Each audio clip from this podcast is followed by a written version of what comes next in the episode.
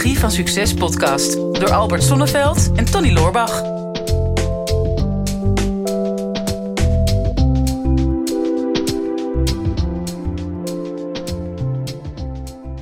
Albert, fijn je weer te zien. Dat is toch uh, zeker alweer twaalf uur geleden.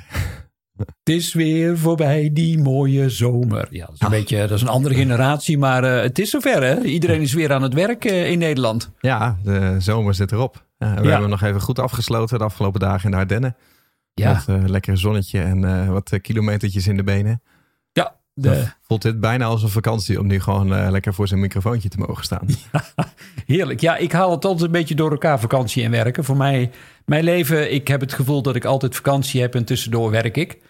En, uh, maar ja, als ik dan werk, dan wil ik ook wel het neusje van de zalm. Dus ik ben weer hier.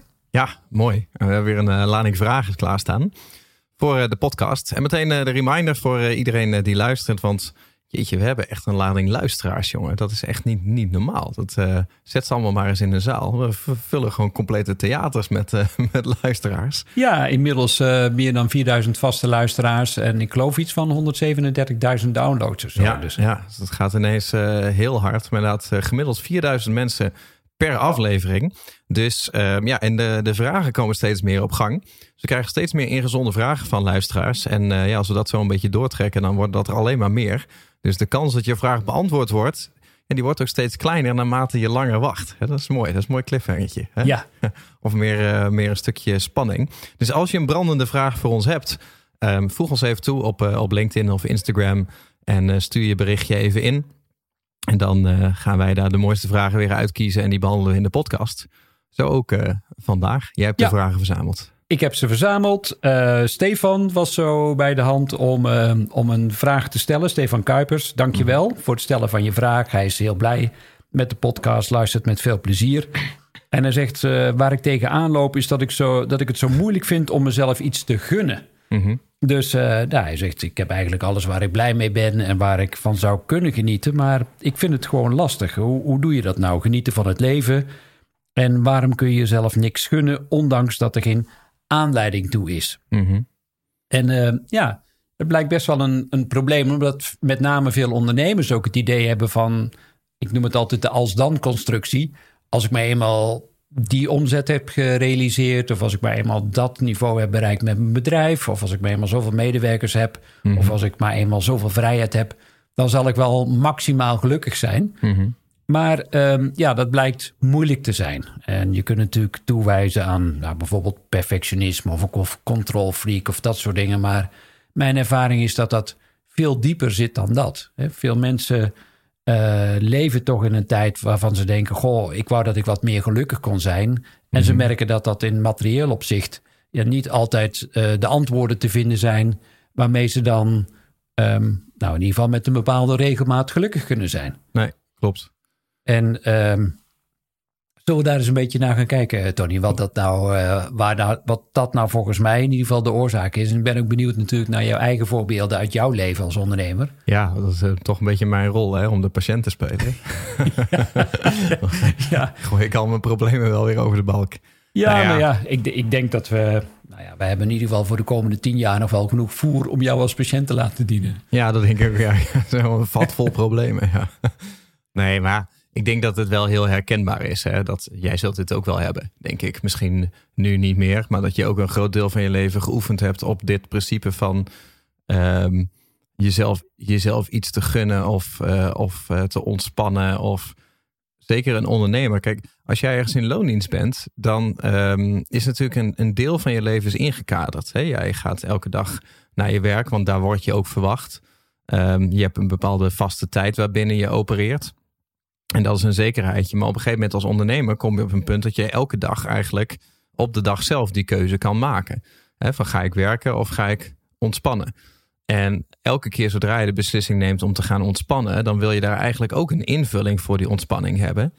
Uh, want anders dan val je heel snel weer terug in dat werken. En zolang je die invulling niet precies weet, dan merk je dat ondernemers dat heel lastig vinden om dat te doen. En zeker dat vraagstuk ook van ja, mezelf, mezelf iets gunnen. Uh, dat je toch altijd het idee hebt dat je nog even wat, wat harder door moet. Hè? Dat je nog meer ja. bereikt moet hebben voordat je jezelf die ontspanning mag gunnen. Ja, ja en daar uh, komen we gelijk al aan de kern uh, van het probleem. Ehm, En dat heeft te maken met, met kernovertuigingen. En we hebben allemaal uh, kernovertuigingen over onszelf. En, en, met name als het gaat over kunnen genieten, dan kan die kernovertuiging vooral te maken hebben met: um, ja, ik ben niet goed genoeg. Het heeft dus heel veel te maken met waarde en jezelf die waarde ook gunnen. Mm Um, die kernovertuigingen die beginnen al in een hele vroege fase van je leven. Soms uh, ja, rond je derde, vierde, vijfde jaar, lagere schooltijd. Dan, dan ga je conclusies trekken naar aanleiding van... Ja, misschien is het niet eens zo uitgesproken, maar een bepaalde sfeer die je dan voelt van... Uh, ja, misschien heb ik iets verkeerd gedaan. Of uh, mensen zeggen dat ook letterlijk tegen je dat je, ja, dat, dat je dingen verkeerd hebt gedaan. En dan trek je dus de conclusie: ik ben niet goed genoeg. En zeker in een competitief mm. uh, schoolsysteem, hè, waarin er uh, wel heel sterk wordt gemeten naar de beste in de klas. En ja, waar bevind je jezelf dan? En omdat er altijd maar in de 80-20 regel van Pareto misschien 20% de allerbeste zijn en 80% zit daaronder. Mm. Um, ja, dan kun je al snel het gevoel hebben: ik, ik ben niet goed genoeg. Mhm. Het lastige is, na zo'n overtuiging, als die zich eenmaal vast heeft gezet, dan komt er de perceptie van die overtuiging. Mhm. Dan ga je dus iedere keer op zoek naar de bevestiging van, uh, oh jee, ik doe het weer niet goed genoeg. Je hoort het ook vaak uh, bij ruzies uh, van mensen, maar ook bij ondernemers, werkgevers, werknemers. Als er weer zo'n beoordelingsgesprek komt. Mhm. Heel veel mensen zijn er ontzettend bang voor, hè, voor zo'n Ja. beoordelingsgesprek. Van, als nou maar niet blijkt dat ik niet goed genoeg ben. En Mhm. als ik nou maar een, een voldoende cijfer krijg voor eh, de prestatie die ik lever. Ja. Maar als je de overtuiging al hebt dat, niet goed, eh, dat je niet goed genoeg bent, dan komt die perceptie ook. Dat is de tweede stap. En de derde stap is dan interpretatie. Ja, dus het begint met de overtuiging, dan de perceptie en dan de interpretatie. En die interpretatie is vaak, zie je nou wel, Mhm. eh, die ander blijkt toch weer beter te zijn dan ik. Mm.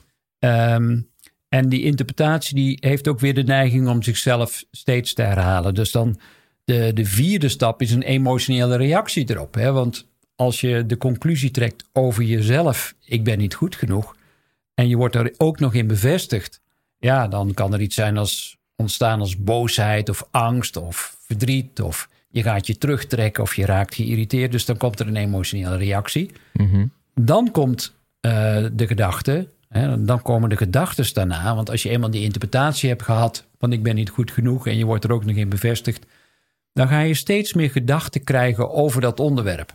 Dus ehm, van de 50 gedachten die je hebt per minuut, heb je vaak niet eens, eh, omdat het een onbewust proces is, niet eens in de gaten hoe vaak dat je dat tegen jezelf zegt. Of Mhm. allerlei varianten daarvan dat je niet goed genoeg bent. En uiteindelijk ga je dat ook vertalen in gedrag. Ja. Ja, dus in het geval van onze vragensteller, ja, is er dus een hele kettingreactie eh, op gang gekomen, die ooit een keer in een vroeg verleden is ontstaan met een kernovertuiging. En daarna ga je voortdurend op zoek naar bevestiging van die kernovertuiging. Mhm. En eh, het is natuurlijk wel fijn om dadelijk ook iets uit te leggen hoe je daar vanaf kunt eh, komen. Ja, precies. Nou, we hebben in ieder geval eh, het probleem bij de kop. Dat is, eh, dat is mooi. Alleen de, mm, de kern van jouw verhaal over kernwaarden. dat zit hem, weet je, het zit hem gewoon in de factor onzekerheid. Ja. Hè, dus dus onzekerheid over jezelf. Ik ben niet goed genoeg. En mensen hebben altijd de neiging om zichzelf te onderschatten en anderen te overschatten. Hè, dus als je om je heen kijkt, je hebt altijd het idee dat anderen iets beter kunnen dan dat, dan dat jij het kan. Je bent heel kritisch op jezelf.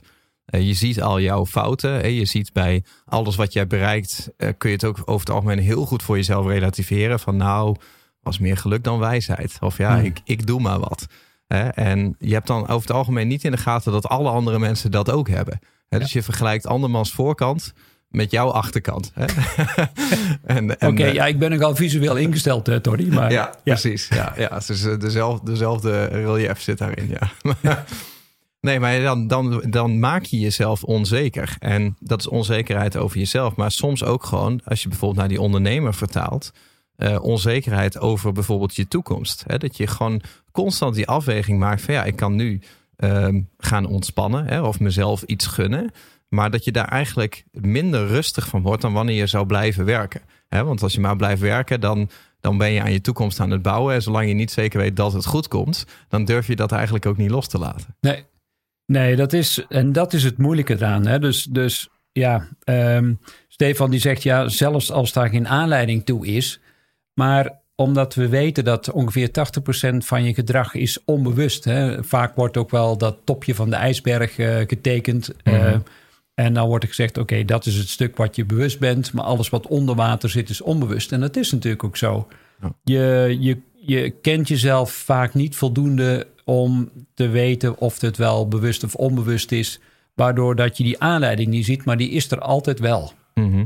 Nou ja, en dan probeer je met je bewuste gedachten uh, iets leuks voor jezelf te creëren. Maar dat onbewuste gevoel van ja, is dit wel goed genoeg? Of ben ik wel goed genoeg? Of Mhm. Uh, wanneer is het dan wel goed genoeg? Wanneer sta ik mezelf wel toe om te genieten? Ja. Ja, dat zit uh, helaas allemaal onder water. Mhm. En um, nou ja, dat vraagt wel wat meer zelfonderzoek om daarachter te komen. Ja, en in mijn overtuiging ook gewoon um, een stukje tijd en een stukje ervaring. He, want zeker als we het op ondernemers focussen, die eerste jaren dat je ondernemer bent, dan is het altijd maar gaan, hard werken, uh, steeds groter, groter, groter. En dan heb je heel vaak, op een gegeven moment komt de vraag naar boven van, uh, wanneer is genoeg nou eigenlijk genoeg? Hè? Van, hmm. hoe, hoe moet het staan voordat jij tevreden bent? Maar dat punt, dat komt eigenlijk nooit. Nee. Want jij groeit over het algemeen harder als persoon dan dat je, dan dat je business groeit. Hè? Dus je business loopt altijd achter jou als persoon aan. Dat we je vorige podcast ook al hebben gezegd. Uh, het lichaam is trager dan de geest. Ja. En um, dat zal ook altijd zo blijven. Ik kan me herinneren, als ik naar mijn eigen business kijk, dat ik um, bijvoorbeeld toen ik het meest onzeker was over mijn business. Um, dat was toen het heel slecht ging met mijn business. Hè, om het heel praktisch te maken. Ik had toen, uh, merkte ik van nou, ik heb eigenlijk geen wederkerende inkomsten. Ik heb geen consistentie. Hè? Dus alles wat wederkerend bij mij is, dat zit aan de kostenkant. Rekeningen komen wel terug. De salarissen komen wel terug. Het gemoppen van de medewerkers komt wel terug. Precies, de mails op de klantenservice komen wel terug. Dus dat groeit elke maand. Maar de inkomsten moet ik elke maand weer opnieuw binnenhalen. En dat geeft onzekerheid. Dus toen ben ik begonnen om hè, met, met lidmaatschappen te werken, met wederkerende inkomsten. Ook met het idee van als die wederkerende inkomsten maar groter zijn dan de wederkerende kosten, dan komt er zekerheid en dan kan ik mezelf wel meer gunnen. En ik merk nu dat, ja, uh, het inmiddels zijn het zes bedrijven. Er is helemaal geen enkel risico meer. En toch is die onzekerheid er nog steeds uh, op een bepaald niveau. Uh, en het, en dat, dat, ik heb ook het idee dat als het nog tien keer zo groot wordt en het risico nog tien keer zo klein, dat het nog steeds niet, niet weggaat. Want je geest is altijd alweer verder bij het volgende niveau. Ja. He, dus dat, dat, dat vraagt gewoon een stukje tijd en ervaring om in te zien dat je die wedstrijd nooit gaat winnen. He, dus dat het Nee. toch echt uit je, tussen je oren vandaan moet komen. Nou, en het allermooiste is van die onzekerheid of twijfel, daar zit echt een groot voordeel aan. Want um, twijfel en onzekerheid, dat nodigt je iedere keer weer uit om jezelf te onderzoeken. Mm -hmm. Um, ja, het meest jeuk krijg ik altijd van mensen die zo zelf ingenomen zijn over hun eigen gelijk. Mm -hmm. um, dan is er ook geen bereidheid meer om te leren en te groeien. Mm -hmm. En mijn overtuiging is dat het grootste plezier in het leven zit ook in groei. Hè? De persoonlijke groei, de groei van je bedrijf. Uiteindelijk staat alles in de natuur uh, ten dienste van de groei. Mm -hmm. Dus het is ook goed om jezelf steeds weer vragen te blijven stellen. Dus uh, nou ja, we waren met een groepje ondernemers in de Ardennen, zoals je al aangaf. Mm -hmm. Nou ja, hoe leuk is het dan om aan andere mensen uh, vragen te stellen, zodat je ja, je eigen groei kunt ervaren. Mm -hmm. um, door mensen te vragen om vanuit hun perspectief antwoord te geven en feedback te geven op hoe Mhm. ze jou zien en wat ze van jou meemaken op dit moment. Ja, klopt. Ja, dan, is- dan eh, wordt er wel een stukje onzekerheid ingevuld. Of een stukje extra onzekerheid gecreëerd. Als jij ineens feedback krijgt op aspecten van je leven waar je nou net wel zeker over was. ja, nou ja, dat is dan wel weer het risico. Maar dat is, als je het kunt zien als een, als een spel. Hè. Een spel komt van, uh, van het uh, woord speel, daar waar alles om draait. Hm. Op het moment dat je jezelf minder serieus neemt... en dat is ook een beetje wat Stefan zegt... ja, ik ben wel een controlfreak en ik, ik heb Mhm. ook wel veel met perfectionisme... ja, dan, dan neem je het leven ook te serieus. Je mag Mhm. ook best wel Mhm. spelen met de dingen. Hè? Want je krijgt alle talenten, alle mogelijkheden... Uh, je wordt volledig ondersteund en gefaciliteerd om uiteindelijk jouw leven vorm te geven op de manier zoals jij dat zou willen. Ja, Maar is dat ook eigenlijk, dat is eigenlijk ook meer de onderliggende echte vraag? Hè? Op het moment dat je zegt van ja, ik, ik gun mezelf te weinig. Ik denk dat is over het algemeen niet per se een issue. Want als je het echt nodig had en je wilde bepaald iets echt, dan zou je jezelf dat wel, dat wel geven. En jezelf iets gunnen, dat is meer een soort van luxe positie. Hè? Van nou, goh, ik heb zo hard gewerkt. Ik gun mezelf nu even om lekker op vakantie te gaan of om een mooie nieuwe auto te kopen. Eh, of, of dat soort uh, excessieve extra's die je eigenlijk in de kern niet nodig hebt. En dat zal altijd blijven. Dat de dingen die je niet echt nodig hebt, dat daar ook gewoon geen motivatie zit om, om daar vol voor, voor te gaan. Denk de, de onderliggende vraag is meer van wat maakt het nou dat jij niet los durft te laten om ruimte te maken voor, voor dat soort extra's. En dat betekent dat je gewoon te krampachtig vasthoudt aan datgene wat is. Ja. En dat dat eigenlijk je, je volledige dag of week of jaar beheerst. En dat gaat niet eens zozeer omdat je daar, laten we zeggen, moet terugschalen. Omdat er dan ruimte komt om meer vakantie te vieren of te ontspannen of uit eten te gaan of dat soort dingen. Alleen er is over het algemeen vaak nog veel en veel meer in het leven dan wat je op dit moment aan het doen bent en wat je de afgelopen jaren hebt gedaan. Dus als je alleen maar blijft verzamelen en nooit iets loslaat, dan zit je al heel snel 100% vast, 100% vol. En dan is er helemaal geen ruimte meer voor al die andere ervaringen in het leven. Nee, en, en daar komen we ook al een beetje richting uh, de oplossing. En ah, die heeft veel met, met zelf te maken. ik was zo heel benieuwd hoe je dit oplost. nou ja, um, wat, er, wat daarbij past zijn woorden als uh, zelfrespect en, en zelfwaardering. En ook wel een beetje zelfdiscipline en actie. Mhm. En daar, daar zit de oplossing uh, om, om voor jezelf die gunfactor wat groter te maken. Want op het moment dat je meer zelfrespect hebt, dan ben je ook minder kritisch naar jezelf, minder oordelend.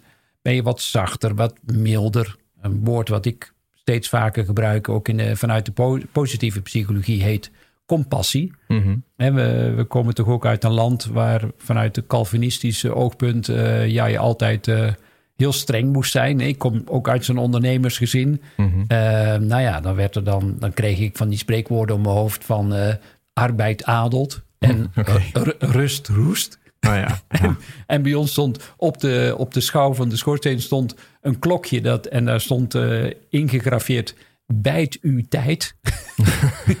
dus okay. op zijn oud Nederlands, B lange IT, bijt uw tijd. Mm Met andere woorden, zorg wel dat je het maximale uit je tijd haalt. En um, ledigheid is des duivels oorkussen. Nou mhm. ja. Oké. ja, ja.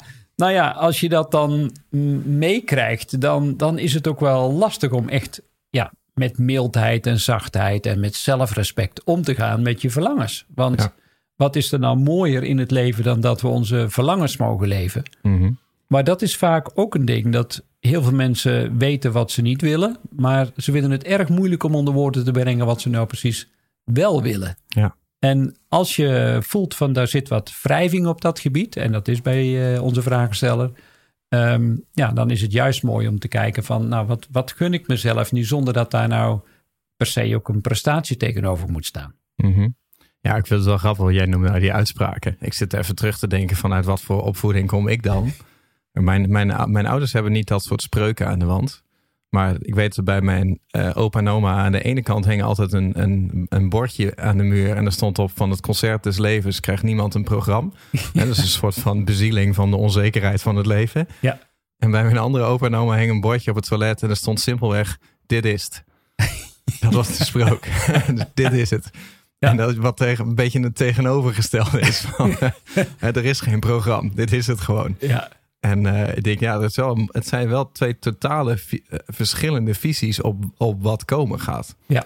En ik denk, ja, de ene laat die onzekerheid zien, wat ook juist een heel mooi iets is. Want volgens mij is dat toch een beetje de jus van het leven. Hè? De onzekerheid en het, en het eindigen. Mhm. Dus dat moet, je, dat moet je juist omarmen. En dan moet je niet door laten tegenhouden. Maar het is af en toe ook wel gewoon nuttig dat gewoon als je heel erg kijkt naar zo'n uitspraak als dit is het. Ja, denk dat, dat wat het nu is, dat is gewoon iets wat jij, wat jij zelf hebt gecreëerd. Ja. En dat hoeft het niet altijd te zijn. Je kan ook heel iets, heel iets anders creëren. Ja, ja. Dat is mooi. Ja, ik heb, ik heb lang uh, ook gewerkt met de vraag van is dit het nu? Uh, omdat ergens, wanneer mensen in een, in een crisis terechtkomen, of het nou een relatiecrisis is, of uh, zeg maar een quarter-life crisis, of een ja. Nou ja, uh, dertigersdilemma, En dan, dan stel je die vraag vaak aan jezelf van, is dit het nu? Ja. Als je om je heen kijkt, je hebt je flink uitgesloofd of een studie gehaald of een, je woont in je, op je vindingslocatie en je omringt met je spullen en je tweede beeldscherm. Ehm, is, is dit het nou nu? En als je die net iets anders gaat uitspreken um, en met een iets andere vraag, bijvoorbeeld is dit het nu? Mm -hmm. Dan kun je weer een nieuw programma voor je leven gaan schrijven. Dus ja het geeft iedere dag weer een nieuwe kans om uh, te doen waar je uiteindelijk voor bedoeld bent, waarvoor je in de wieg bent geleefd, is vol je passie te leven. Mm -hmm. En uh, ja, dat is een mooie uitspraak van uh, de Tao van Poe. Die zegt: ga vanzelf op gang. Hè? Het, het, leven komt achter je aan. Dat is mm. een van de laatste regels van het boekje. Oh ja. dus ga niet zoeken naar de weg, zo is hij helemaal. Ga niet zoeken naar de weg, want dan is die weg. Ga gewoon op gang. De weg komt vanzelf achter je aan. Oh ja, dat is net als een wegrestaurant. ja. Dat je dan rijdt en rijdt. Denk hier moet het ergens zijn. Maar wat denk je? Wegrestaurant. ja. nou, nou, dat is een prima flauwe mop om hiermee af te sluiten. ja, nou ja, ik wilde er nog aan toevoegen. Weet je, dat zo'n zo'n uh, zo'n liedje waar hadden we het dit weekend in de Ardennen ook nog over. Is dit nu later? Hmm. En uh, ik denk dat dat is ook wel een mooie, denk ik. Hè? Later komt nooit. Het is altijd nu. Ja. Morgen, morgen komt nooit. Dat is ook zo'n bordje in een uh, kroegje hier in Amsterdam. Morgen gratis bier. Ja. Er, is, er, is geen, er, er komt geen morgen.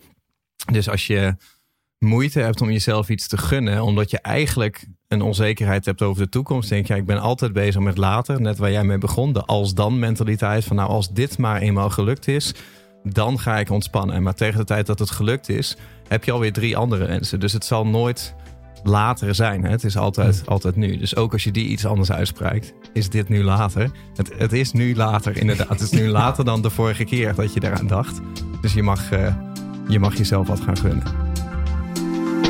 Dit is de Psychologie van Succes podcast door Albert Sonneveld en Tony Loorbach. Ja, beste luisteraars, dat was hem alweer voor vandaag. Weer een aflevering voorbij van uh, de Psychologie van Succes. Ik hoop dat je het waardevol hebt gevonden. En um, wat je ons dat ook zou willen laten weten. Uh, mocht je nog niet geabonneerd zijn op onze podcast, doe dat dan even. En wat we heel erg tof zouden vinden, is als je ook even een review zou willen achterlaten. We vinden het natuurlijk heel leuk om te horen van jou wat je van de podcast vond, welke inzichten je eruit hebt gehaald en om dat natuurlijk in de review-sectie terug te gaan lezen. Heb je nou een vraag en je zou graag met jouw vraag in de uitzending willen komen? Stel hem dan op eh, de social media. Onze kanalen zijn vooral LinkedIn en natuurlijk Instagram. De beste vragen pakken we eruit en grote kans dat je dan terugkomt in deze podcast.